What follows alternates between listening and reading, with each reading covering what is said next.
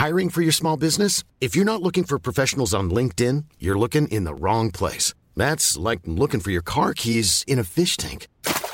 LinkedIn helps you hire professionals you can't find anywhere else, even those who aren't actively searching for a new job but might be open to the perfect role. In a given month, over 70% of LinkedIn users don't even visit other leading job sites. So start looking in the right place. With LinkedIn, you can hire professionals like a professional. Post your free job on linkedin.com slash people today.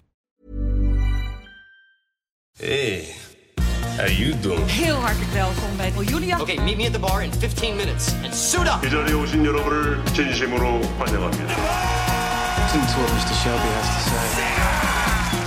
We zijn er weer. Content Wars, je favoriete podcast over de wereld achter de content. Formatontwikkelaar Kirsten-Jan van Nieuwenhuizen is er ook weer. Gelukkig man, gelukkig maar. Schiet helemaal van vol. Hij is de man achter programma's, dat wilde ik zeggen. Als That's the Question, tv-makelaar, Singletown. En hij zat in het team dat Big Brother ontwikkelde. Mijn naam is Jelle Maasbach.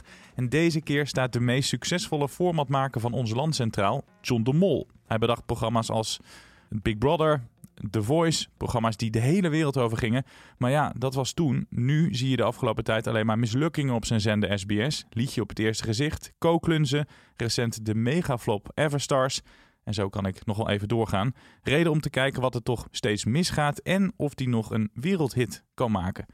Ja, Christian, jij hebt met hem eh, samengewerkt. Had je verwacht dat hij zoveel mislukkingen in een korte tijd eh, zou maken? Nee, dat had ik niet verwacht. En we gaan het over hem hebben omdat het toch een beetje een soort Griekse tragedie eigenlijk is. Hè? Vier decennia van eh, heel succesvol Ja. televisie maken.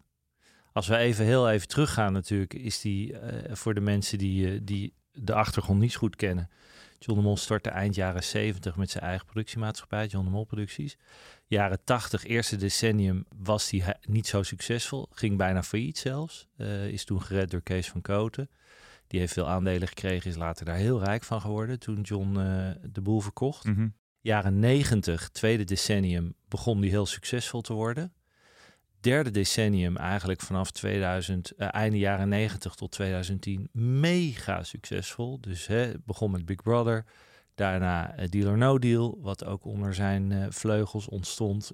Wel een idee van Dick de Rijk, maar Nederlander. Maar desalniettemin een enorme hit. Mhm. En daarna natuurlijk in 2010, eh 11, 2010 volgens mij, The Voice, Ja. wat de allerlaatste is. En vervolgens zie je de laatste decennium, van 2010 tot 2020, zie je het ineenstorten van zijn rijk, langzamerhand. Hè? Met zeker de laatste twee, drie jaar, misschien wel de ergste jaren voor hem. Ook met de familie, eh, alle perikelen eromheen.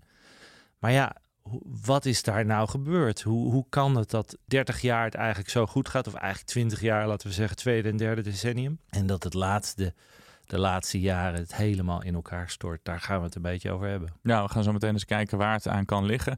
Maar had je verwacht dat het zo hard zou instorten? Nee, dat, dat zeker niet. Omdat hij natuurlijk toch wel heel veel mensen om zich heen heeft die eh, bewezen hebben dat ze goede tv kunnen maken. Maar het is natuurlijk wel vaker dat iemand die zo lang aan de macht is, een aantal eigenschappen heeft die hem heel succesvol heeft gemaakt, dat dat uiteindelijk in elkaar stort. Dat gebeurt vaker. En dat lijkt bij hem ook het geval. Wil niet zeggen dat hij nog niet zich één keer kan opreizen om een, eh, nog een keer zo'n wereldhit. Want dat is zijn, grootste wens, denk ik.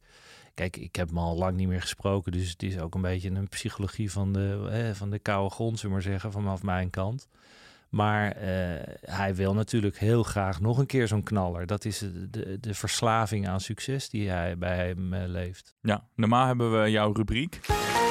Dat kan veel beter. Waarbij we kijken wat beter kan. Nou, die skippen we deze keer, want er zijn nu zoveel formats die niet te redden zijn, zou je kunnen zeggen. Is eh, Everstars het meest treurige wat jou betreft? Ja, nou ja, kijk, de- we, we skippen dat een beetje, maar kan wel een heel klein beetje nog even over Everstars. Er is natuurlijk al heel veel over gezegd. Over de kwaliteit van, van eh, de animaties, die natuurlijk eh, op beneden pijl zijn. Eh, en dat zie je bijvoorbeeld met wat er bij Netflix gaat komen. Dancing Monsters, zoek dat maar eens op als je dat nog niet gezien hebt. Zo kan het er ook uit gaan zien. Dat is een nieuwe show die eh, eh, Netflix gaat brengen. ook met animaties. Maar er worden, zijn een aantal dingen fout gegaan die je in meer format ziet fout gaan. Hè. Tina Nijkamp heeft al een keer gezegd, het gaat altijd bij John om geld. Ja. Ik denk dat dat eh, misschien een fout is die zo langzamerhand te vaak gemaakt wordt.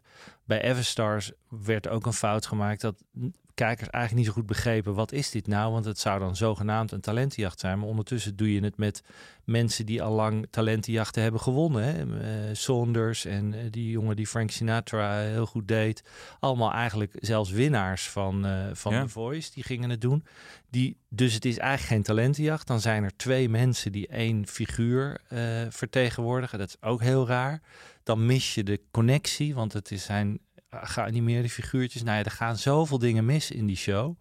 Dat je inderdaad denkt van, hoe kan dat? Waarom kiest hij voor elementen waarvan heel veel mensen, niet eens met zo heel veel ervaring, zullen zeggen, gaat dit nou wel werken? En dan had hij normaal altijd meerdere mensen om zich heen. Is er dan niemand die zegt, nou John, dit lijkt leuk, maar we moeten nog wat aanpassingen doen, want zo kan het de buis niet op. ik heb een soort van in mijn hoofd geprobeerd om eens een analyse te maken van wat is er, wat er, wat gaat er nou fout? En er zijn een aantal structurele problemen waar hij mee kampt, denk ik. Het eerste is dat het lijkt inderdaad alsof er uit zijn team van programmaontwikkelaars, en er zitten er best wel een aantal, niet meer de ideeën komen eh, die het verschil maken. Hoe komt dat? Want toen ik daar begon, eh, midden jaren negentig, toen begon hij eigenlijk met zijn eerste eh, creatieve team. Hij was ook een van de eerste eh, mensen die veel geld uitgaf aan, aan eigen ontwikkeling. Heel veel andere partijen durfden dat niet. En dat is ook, ja, het is ook een best wel een risico. Want er zijn veel meer partijen geweest die dat geprobeerd hebben. Mhm. En dat doet hij nu al heel lang. Maar het lijkt alsof het daar niet meer vandaan komt. Komt dat omdat die, die creatieve murfs zijn, eh, te, te hard moeten werken? Want je moet echt hard werken bij John.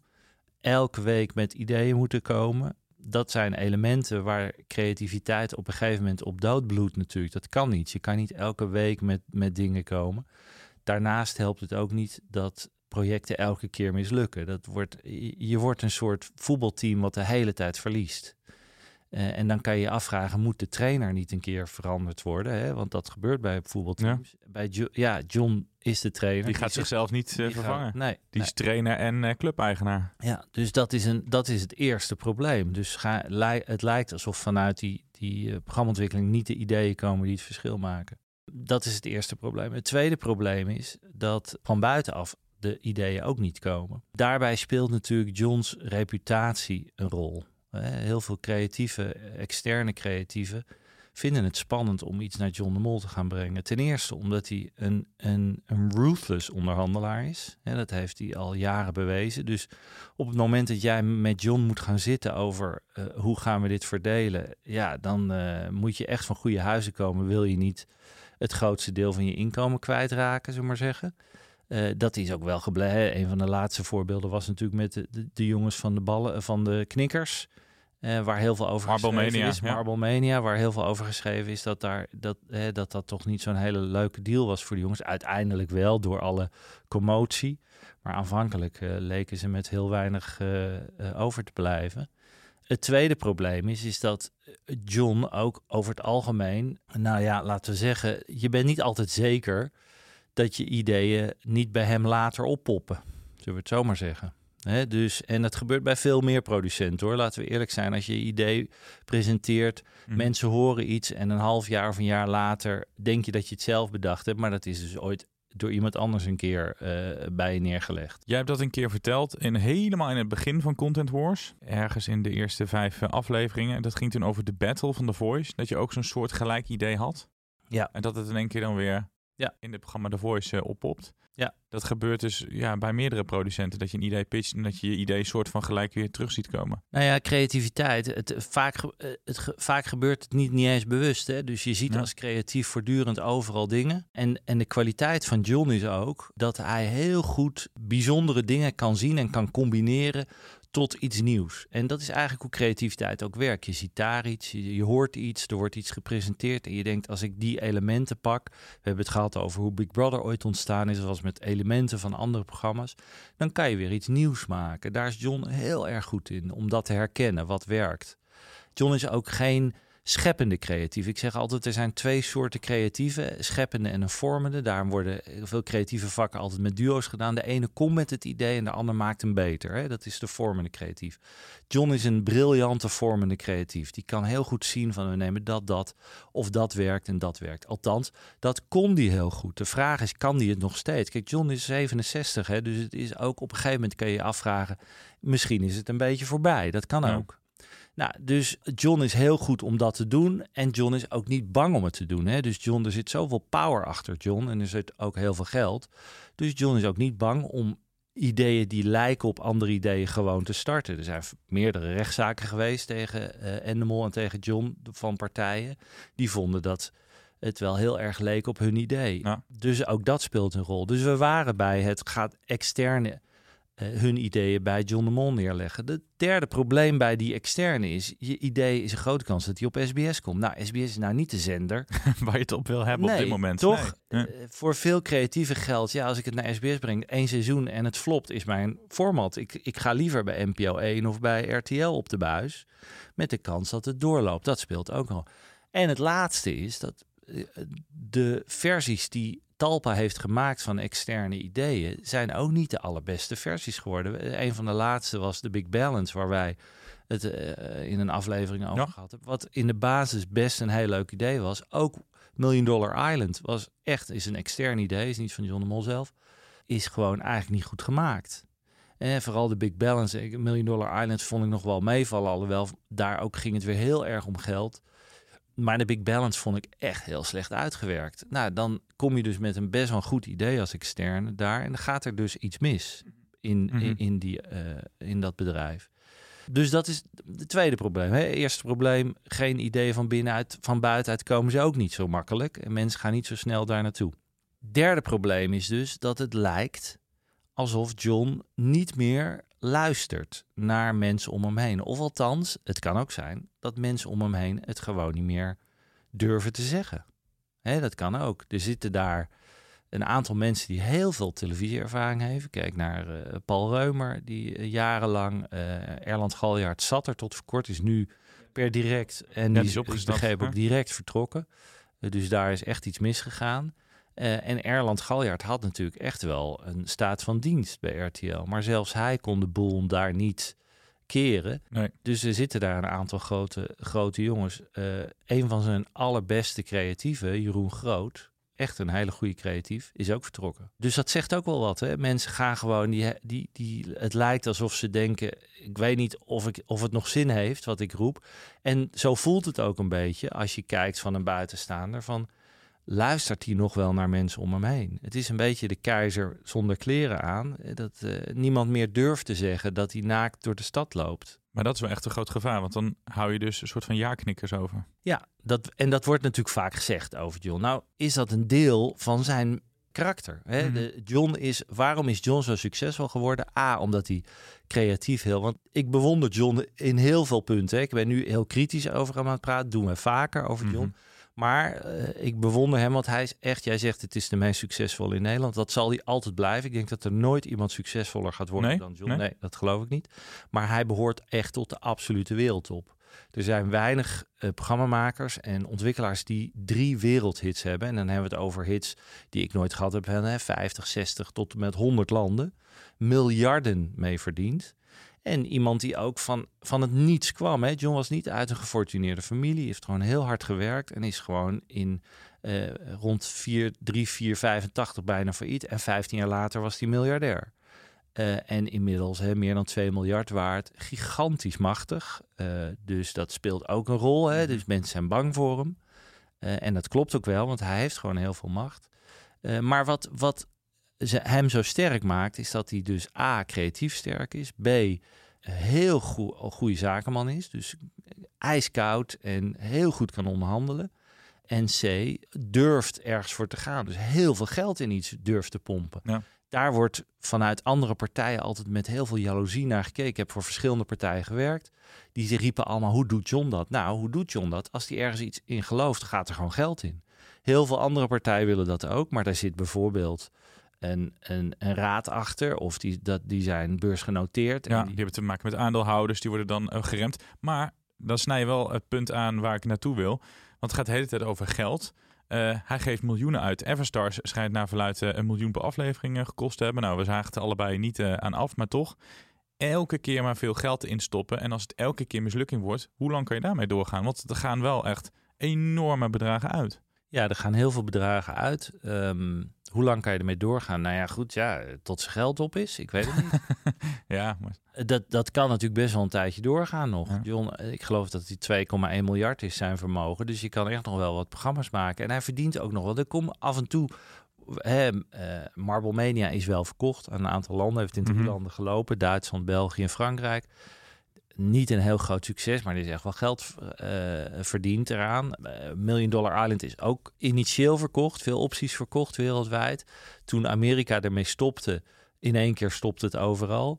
Dus er wordt nog steeds wel geld verdiend. SBS verdient ook gewoon geld. Hè? Dit is niet een bedrijf wat verlies draait. Dus er wordt wel geld verdiend. Alleen, waar blijft die knaller? Waar blijft die gigantische hit? Nou, Big Brother en The Voice hebben we het over gehad. Wat is er nodig voor zo'n wereldhit? Eh, En denk je dat hij die nog eh, kan maken? Ja, nou ja, goed. We hebben, het we hebben het net gehad over die structurele problemen. De ideeën komen niet van binnenuit, niet van buitenaf. Je zou kunnen zeggen van misschien moet hij toch proberen om wat meer afstand te nemen. En, eh, maar dat, dat ligt niet in zijn karakter. Eh, hij wil er voortdurend bovenop zitten. Daarmee merk je dat hij op het moment lijkt alsof hij niet meer helemaal goed die feeling heeft wat de kijker wil. Misschien is dat ook niet zo raar als je twintig jaar lang miljardair bent en mm, wellicht enigszins een beetje buiten de maatschappij staat. Je ziet het bij meer eh, hele rijke mensen. Mhm. Die begrijpen misschien niet meer zo heel goed wat er leeft. Eh, bij de gewone man, wat hij vroeger dus echt wel heel goed had. Dat lijkt een beetje kwijt te zijn. Je zou denken, moet hij meer afstand nemen? Moet hij iemand anders de boel laten leiden? Want één ander probleem is, John heeft inmiddels bewezen dat het, dat het lastig voor hem is om een zender te leiden. Dat is iets heel anders dan een productiemaatschappij. Er zijn verschillende belangen. Een zender die kiest ervoor om echt het allerbeste programma uit te kiezen. Bij John lijkt het vaak alsof hij de zender gebruikt om zijn ideeën erop te zetten. Wat ik snap als producent. Mhm. In de hoop dat er iets werkt. Maar dat zijn tegengestelde belangen, althans niet helemaal tegengesteld, maar wel niet dezelfde belangen. En toen, het bij, toen Erland Galjaard bij RTL eh, programmadirecteur was, merkte je natuurlijk dat, dat hij toch aan een soort cherrypicking deed en de beste ideeën van John nam. En, en ook dingen afwees. Nou, en nu merk je dat alle, heel veel gewoon erop gaat, eh, wat gewoon niet goed is. En dat Ja. gaat die zender omlaag brengen. Dus John moet meer afstand nemen, moet iemand aannemen die die vertrouwt en die die ook zijn ding laat doen. Nou ja, het gaat lastig worden, want dat zit niet in zijn, zijn DNA. Eh, en ondertussen moet hij wel doorgaan met eh, eh, heel veel geld investeren in ideeën. En dat doet hij ook nog wel. Eh, want dat, dat eh, is altijd nodig. Maar denk jij dat hij het in zich heeft? Want je zegt het zelf, hij is 67, hij heeft enorme successen gehad. Ik moet een beetje denken aan zo'n zo'n wereldster die gigantische hits heeft gehad en dan net te lang doorgaat. Madonna?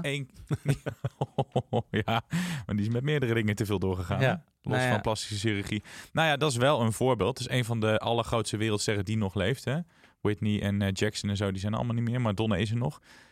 Zij heeft enorme succes gehad. Maar ja, ze blijft maar doorgaan. Misschien hopende op nog dat ene wereldsucces. Ja. Gaat er mogelijk niet komen. Nee, kijk, voor zover eh, mijn ervaring met John is dat John niks het, het leukste vindt om dingen te bedenken. En waarschijnlijk zal hij dat doen tot, totdat hij erbij omvalt. En je, de vraag is soms wel, als die ik me stel, waarom gaat hij niet gewoon een soort boutique worden? Hè? Eh, iets wat die alleen maar um, tien dingen per jaar maakt, die allemaal heel erg goed zijn. Want er, er worden echt nog wel in zijn bedrijf mooie dingen gemaakt, vooral op, op scriptie, Mhm. eh, scriptgebied, eh, goede series en dat soort dingen. En af en toe komt er ook echt nog wel een programma uit die, die de moeite waard is, maar te wei- veel te weinig. Afstand nemen, veel kritischer zijn op wat je maakt. Maar daar gaat ook weer zijn karakter werken. Hij wil altijd groot worden. Dus het Ja. begint altijd, hij begint, er, er komt altijd een nieuwe deal waarin hij zegt, ik, ik kan de afstand nemen, ik kan me weer gaan richten op alleen maar ontwikkelen. En voor je het weet, drie jaar later heeft hij weer een heel groot bedrijf met die al de producties Ja. zelf willen maken, want hij kan het niet uit handen geven. Nee. Dus het is een soort van eh, catch-22 bij hem. Dat hij zegt aan de ene kant wil hij hele mooie dingen maken. Aan de andere kant kan hij die controle niet loslaten. En dan eh, wordt het uiteindelijk dit. het vervelende is natuurlijk dat hij tien jaar lang of vijftien jaar lang heel veel succes heeft gehad. Vanaf de eind jaren 90 tot en met 2012, 13 waren echt zijn oogstjaren. En toen heeft hij heel veel geld verdiend met precies deze manier. Inmiddels lijkt dat niet meer te werken en moet hij gaan veranderen. Kan dat nog voor iemand die 67 is? Misschien ja. zo flexibel. Kan je dat dan nog doen? Uh, zijn er mensen om hem heen inderdaad die hem daarvan kunnen overtuigen? Ik ben dat niet, weet oh, ik. Ik wilde vragen, zou je hem willen helpen? Nee, ik, uh, John, ik begrijp dat ik al heel lang schijn ik op een zwarte lijst te staan bij John. Oh. De, deze podcast helpt ook niet, kan ik je vertellen. uh, er schijnen alarmbellen af te gaan als ik in de buurt kom van Talpa. Uh, nee, dus er wordt, nee. naar mij wordt zeker niet geluisterd. En ik, ik zou daar ook geen zin in hebben, nee. als ik heel eerlijk ben. Maar John de Mol kan dus nog wel een wereldhit maken. Maar de grap is eigenlijk, is dat dan de conclusie, haal ik uit jouw woorden. Hij moet eigenlijk kleiner worden om tot die grote hit te komen. Ja, dat zou het. Dat denk ik. En waarschijnlijk gaat dat uh, zo ver tegen zijn uh, karakter in dat dat niet gaat lukken. Nee. Maar eigenlijk zou hij inderdaad afstand moeten nemen. Andere mensen, jongere mensen die, die iets anders doen dan hij, meer kans moeten geven. Anders om moeten gaan met externe ideeën. Hè, bijvoorbeeld veel meer overlaten. Mm -hmm. Als een extern idee komt, niet de helft of meer dan de helft willen hebben. Uh, maar gewoon zeggen, ik, ik, wil, ik neem wel een kleiner deel, waardoor externe uh, ook denken, oh, er valt wat te halen bij John. Want het is wel zo, kijk, als John in jouw idee gelooft, kan het binnen een hele korte tijd op de buis zijn. Dus voor veel externe zou John een hele goede afzetmarkt kunnen zijn, als hij maar wat coulanter daarmee om zou gaan. Ja. Um, dan zou dat best een idee kunnen zijn. Maar ja, gaat hij dat allemaal doen en willen en... Um, kan die het nog, hè, met zijn ja. 67ste? Gematigd positief, als ik jou zo hoor. Nou ja, goed, weet je, laten we eerlijk zijn. Als je drie keer een mega wereldhit bedenkt, kan er natuurlijk echt nog wel een vierde keer komen. Dat is, ja. dat is niet raar. Ik denk dat de deal die, die wilde met RTL die kans had vergroot voor hem. Mm -hmm. uh, op momenten had hij weer wat meer afstand kunnen nemen. Dan had het weer bij Peter van der Vorst neergelegd kunnen worden. Was het eigenlijk een beetje het oude systeem geworden wat hij destijds had. Waardoor de Voice zo'n succes werd. Toen zat Erland daar en to toen bood hij dat daar aan. Werd ook eerst afgewezen enzovoort. Is steeds beter geworden. Toen de wereldhit geworden. Nou ja, een heel klein voorbeeldje is de Floor. Uh, wat toch het redelijk goed doet op RTL 4. Wat nu schijnt ook wel naar een aantal landen te gaan. Oh, dus dat zou misschien nog wel een hit kunnen Ja, nou, worden. ik zie de Floor echt geen wereldhit worden. Nee? Dat, nee, dat, dat geloof ik gewoon niet. Maar het, je ziet daar wel weer dat het dus al beter werkt als hij uh, het niet op zijn eigen zender zet en als iemand anders daar nog wat over kan beslissen. Ja. Dus dat is al een klein voorbeeldje. Dus uh, het, het verlaten van SBS als grote man zou misschien ook wel een oplossing kunnen zijn. De fusie had hem misschien ook al geholpen. Dan was hij minder bezig geweest met uh, ja, dat zei die SBS-toko. Ja, ja. wat je net eigenlijk al, ja, al zei. Dat, ik denk dat dat voor hem een grote teleurstelling is geweest, dat dat niet gebeurd is. Maar misschien kan hij iets creëren waardoor SBS wat autonomer wordt van hem. Ik zie het, terwijl ik het zeg, denk ik, dat gaat nooit gebeuren. Maar ik wilde ook positief ja, richting het einde van misschien dat we hier over een paar jaar zitten. Dat hij toch heeft geluisterd naar Kirsten van Nieuwenhuizen. Dat hij toch met die boutique winkel verder is gegaan. Ja, nou, ik ja, weet je, op een bepaalde manier, hij verdient het in die zin ook wel dat iemand met zo'n staat van dienst. We gunnen het hem ook wel. Eh, nou, gunnen is een groot woord. Oh. Want ik bedoel, kijk, John hoeft je niks. Die heeft alles bereikt wat hij wil. Maar aan de andere kant zijn we in Nederland zeker de laatste tijd heel goed om mensen die heel veel bereikt hebben en veel kwaliteit hebben uh, onderuit te schoffelen. En uh, niemand mag boven het maaiveld uitsteken. Nou, John is iemand die zo'n uniek persoon is in de Nederlandse en de wereldmedia, zou maar zeggen, dat hij best nog een vierde uh, groot succes verdient. want zo iemand als hij komt er niet meer snel. Weet je, het is, soort, het is echt wel de kruif van de media. Zo durf ik hem te noemen. Dus dat is dan nog wel eventjes, kan die in zijn zak steken. Zo, even, even ja, een complimentje nog. Dat bedoel ik. Dus uh, dat vind ik echt... Dus in die zin zou het niet raar zijn als het gebeurt. Maar de kans dat het gebeurt, ja. met alles wat we net allemaal verteld hebben... is ook wel weer, misschien wel weer klein. Nou, laten we dan uh, met deze woorden richting het einde gaan. Zou het hier werken? Ja, ze is er weer, Lisette. Gelukkig maar. Om eh, ja, een format aan Ja. ons te presenteren vanuit het buitenland. Kijken of het hier zou werken. Pracht en praal eh, van buiten de landsgrenzen. Goed dat ze er weer is, hè? Ja, altijd, altijd leuk. Fijn ook dat ze gewoon toch naar Amsterdam-Oost komt. hè? Ja. Ik wil maar blijven Vanuit komen het, hier. vanuit het chique gooi. Ja, ja. Ja, dan moeten Op dat naar Amsterdam-Oost. En dan het hier dit aftansen Amsterdam-Oost. Ze blijft heel bescheiden. Weet je, Ze blijft heel bescheiden. Goed, we gaan het hebben over eh, dating. Eh, er is natuurlijk een intens grote bak aan grote eh, reality formats waar dating centraal Ja. staat. We hebben het al eerder over gehad en we zullen het er veel, veelal vaker over hebben. Nu ook. Het leuke aan, aan dit format is dat het ontwikkeld is door een Nederlandse creatief. Heer, heer. Absoluut, heel leuk. Eh, Remco Leentjes van ITV heeft een format ontwikkeld al een hele poos geleden, dat nu door ITV Amerika eh, in productie is en in één klap eh, in meer dan 200 landen en regio's uitgezonden gaat worden. Ja, ik Op zag, het op Video. ik zag het op LinkedIn voorbij Ja. komen. Bizar, joh. Het heeft heel veel pers gekregen ook. Dat is ook al heel leuk. En het, het basisidee, ja, ik vind het ontzettend leuk. Dus het heet Twin Love. Uh-huh. Het is eigenlijk een sociaal experiment. Want wat je doet is je neemt tien stellen van één eigen tweelingen... die dus allebei en single zijn en ook nog eens op zoek naar de liefde. Die neem je mee, die worden geplaatst in twee verschillende huizen. Ehm, en dan begint de zoektocht naar de liefde. En dan is natuurlijk de grote vraag... de inherente gelijkenissen in, zo'n, in het DNA van die tweeling... Wat gebeurt er met die twee als je ze uit elkaar haalt? Kiezen ze dan eigenlijk voor een identieke partner? Of gaan ze toch door die afstand eh, andere keuzes maken? Dat is wat er gebeurt in Twin Love. Ehm, ja, ik denk dat dat hartstikke leuke televisie gaat worden. En even los van het feit dat het me heel leuk lijkt om hier ook een Nederlandse versie te zien. Die internationale gaat natuurlijk heel leuk scoren en, en wordt al overal uitgezonden. Maar het lijkt mij ook heel leuk om een Nederlandse versie te zien. Het enige is natuurlijk wel, casting is echt een dingetje. Ik snap heel goed dat dat in Amerika is gestart. Want ehm, je, je moet op zoek naar één eigen tweelingen, die er ook nog een beetje leuk uitzien. Die alle twee single zijn en die ook bereid zijn om te zoeken, hè, die ook nog Ja. zoeken. Het is een Ehm, kleine pool om, eh, om, eh, om in te vissen, zeg maar. Ja, ik denk dat in Amerika de pool iets groter is. Laten we daarvan uitgaan. Zeker, Ja. Eh, dus dat is Twin Love. Wordt gepresenteerd ook door een hele knappe eh een eigen tweeling eh, set. Van eh, dames die, eh, geloof ik, professioneel ook geworsteld hebben. Die zelf al in veel reality shows hebben gezeten. En die las ik ook nog allebei tegelijk eh, in verwachting zijn geraakt. Nou, kortom. Van dezelfde man?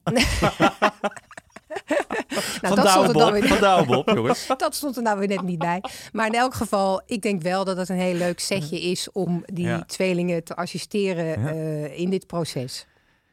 Ja, dan zou je bijna zeggen, Kirsten, dat gaat werken. Als het dan zoveel landen verkocht is. Maar denk jij dat het hier zou werken? Absoluut. Ik vind het een supergoed idee. En ik vind het ehm, eh, bij deze eh, Remco Leentjes, ik hoop dat je een keer komt naar Content Wars. Dus dat is even een open, open eh, Sollicitatie. sollicitatie-aanvraag voor hem. Want ik vind het heel leuk om het over dit te hebben. Wat ik A zo leuk vind, is zoveel al bedacht over dating. En dat je dan toch weer iets bedenkt wat ik volgens mij nieuwe- nog nooit Nee, heb gezien. Superleuke Eh, nieuwe hoek. Dus Absoluut. ook daar voor alle creatieve jongens is altijd wel weer iets te vinden. En eh, dit is natuurlijk ook heel interessant psychologisch. Van hoe gaat dat werken? Ja. Veel t- je hoort vaak van dat ze voor dezelfde mannen gaan, hè, de tweelingen. Is dat dan ook zo? Eh, dus ik zie hier ontzettend veel elementen in waardoor het leuk is om naar te kijken. Los van dat het gewoon een leuk dating eh, idee is. Ehm, en ik zie dat absoluut overal werken. Het enige wat jij heel goed aanhaalt is voor kleine territoria vind maar eens genoeg leuke twins. Eh, dus in grote landen gaat het werken. Begrijp ik goed? Ik had het ook even snel gelezen, vond het fantastisch dat, het, dat Netflix het gaat doen.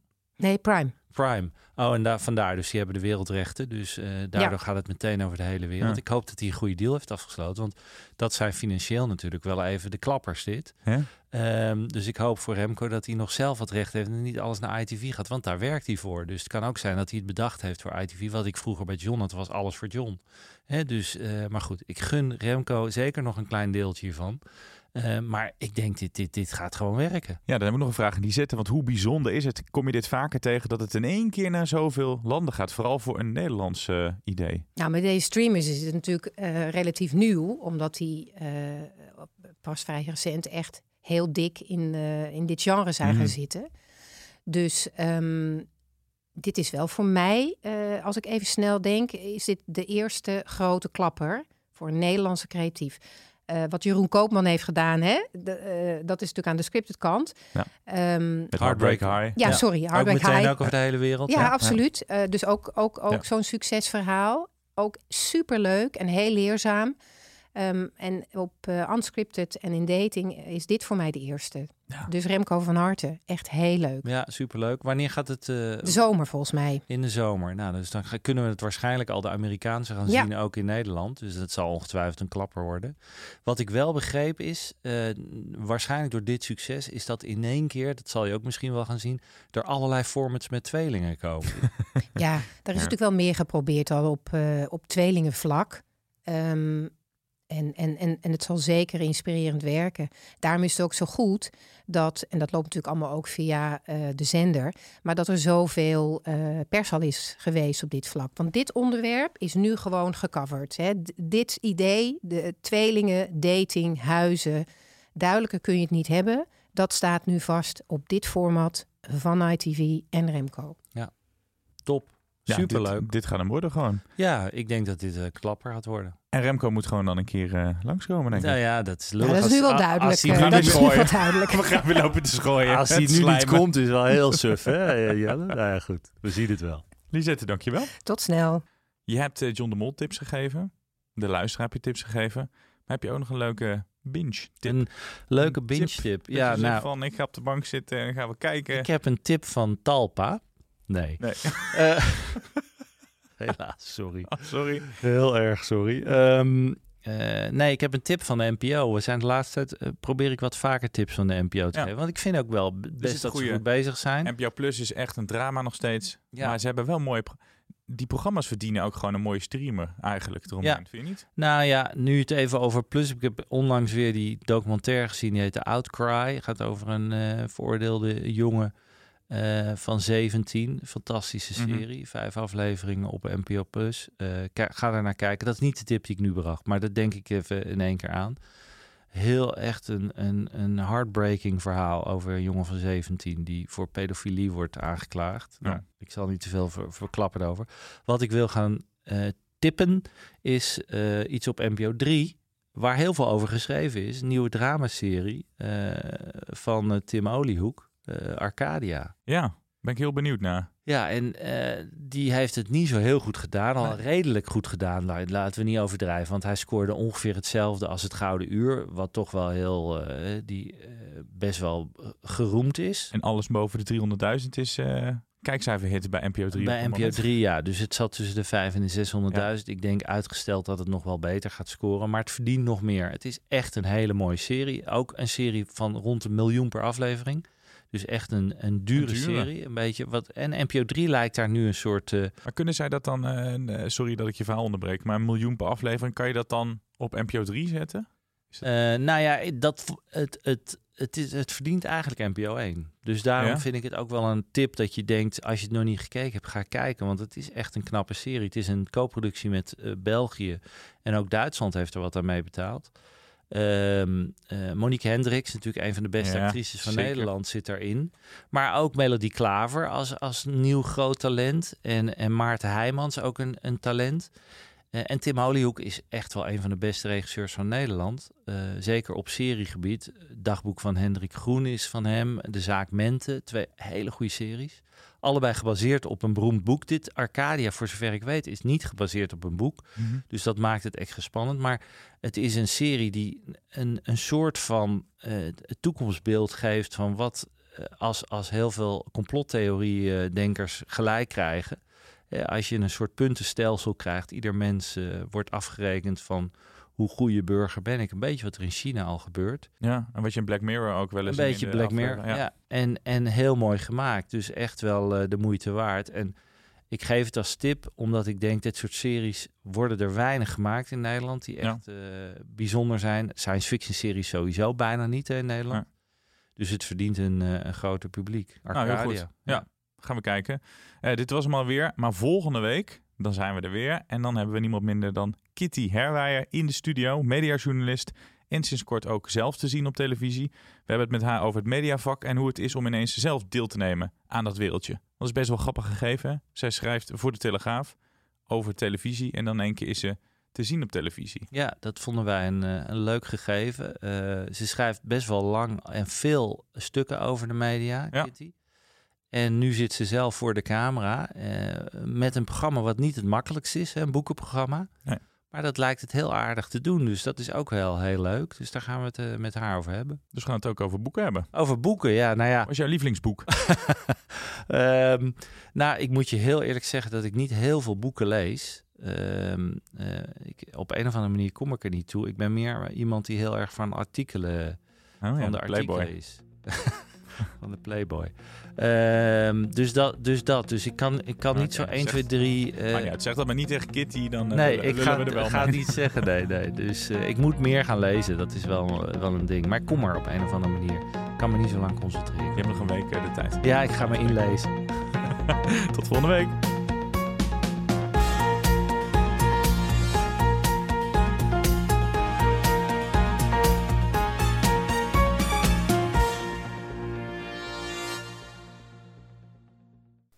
Ben jij content met deze content? Vergeet je dan niet te abonneren op Content Wars.